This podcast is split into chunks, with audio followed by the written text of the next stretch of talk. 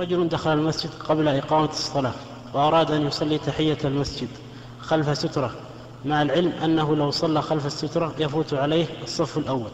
فهل يصلي خلف السترة أو في الصف الأول؟ إذا كان يفوت عليه الصف الأول فليتقدم إلى الصف الأول. لقول الرسول عليه الصلاة والسلام لو يعلم الناس ما في النداء والصف الأول ثم لم يستهم ثم لم يقدروا إلا أن يستهموا عليه لاستهموا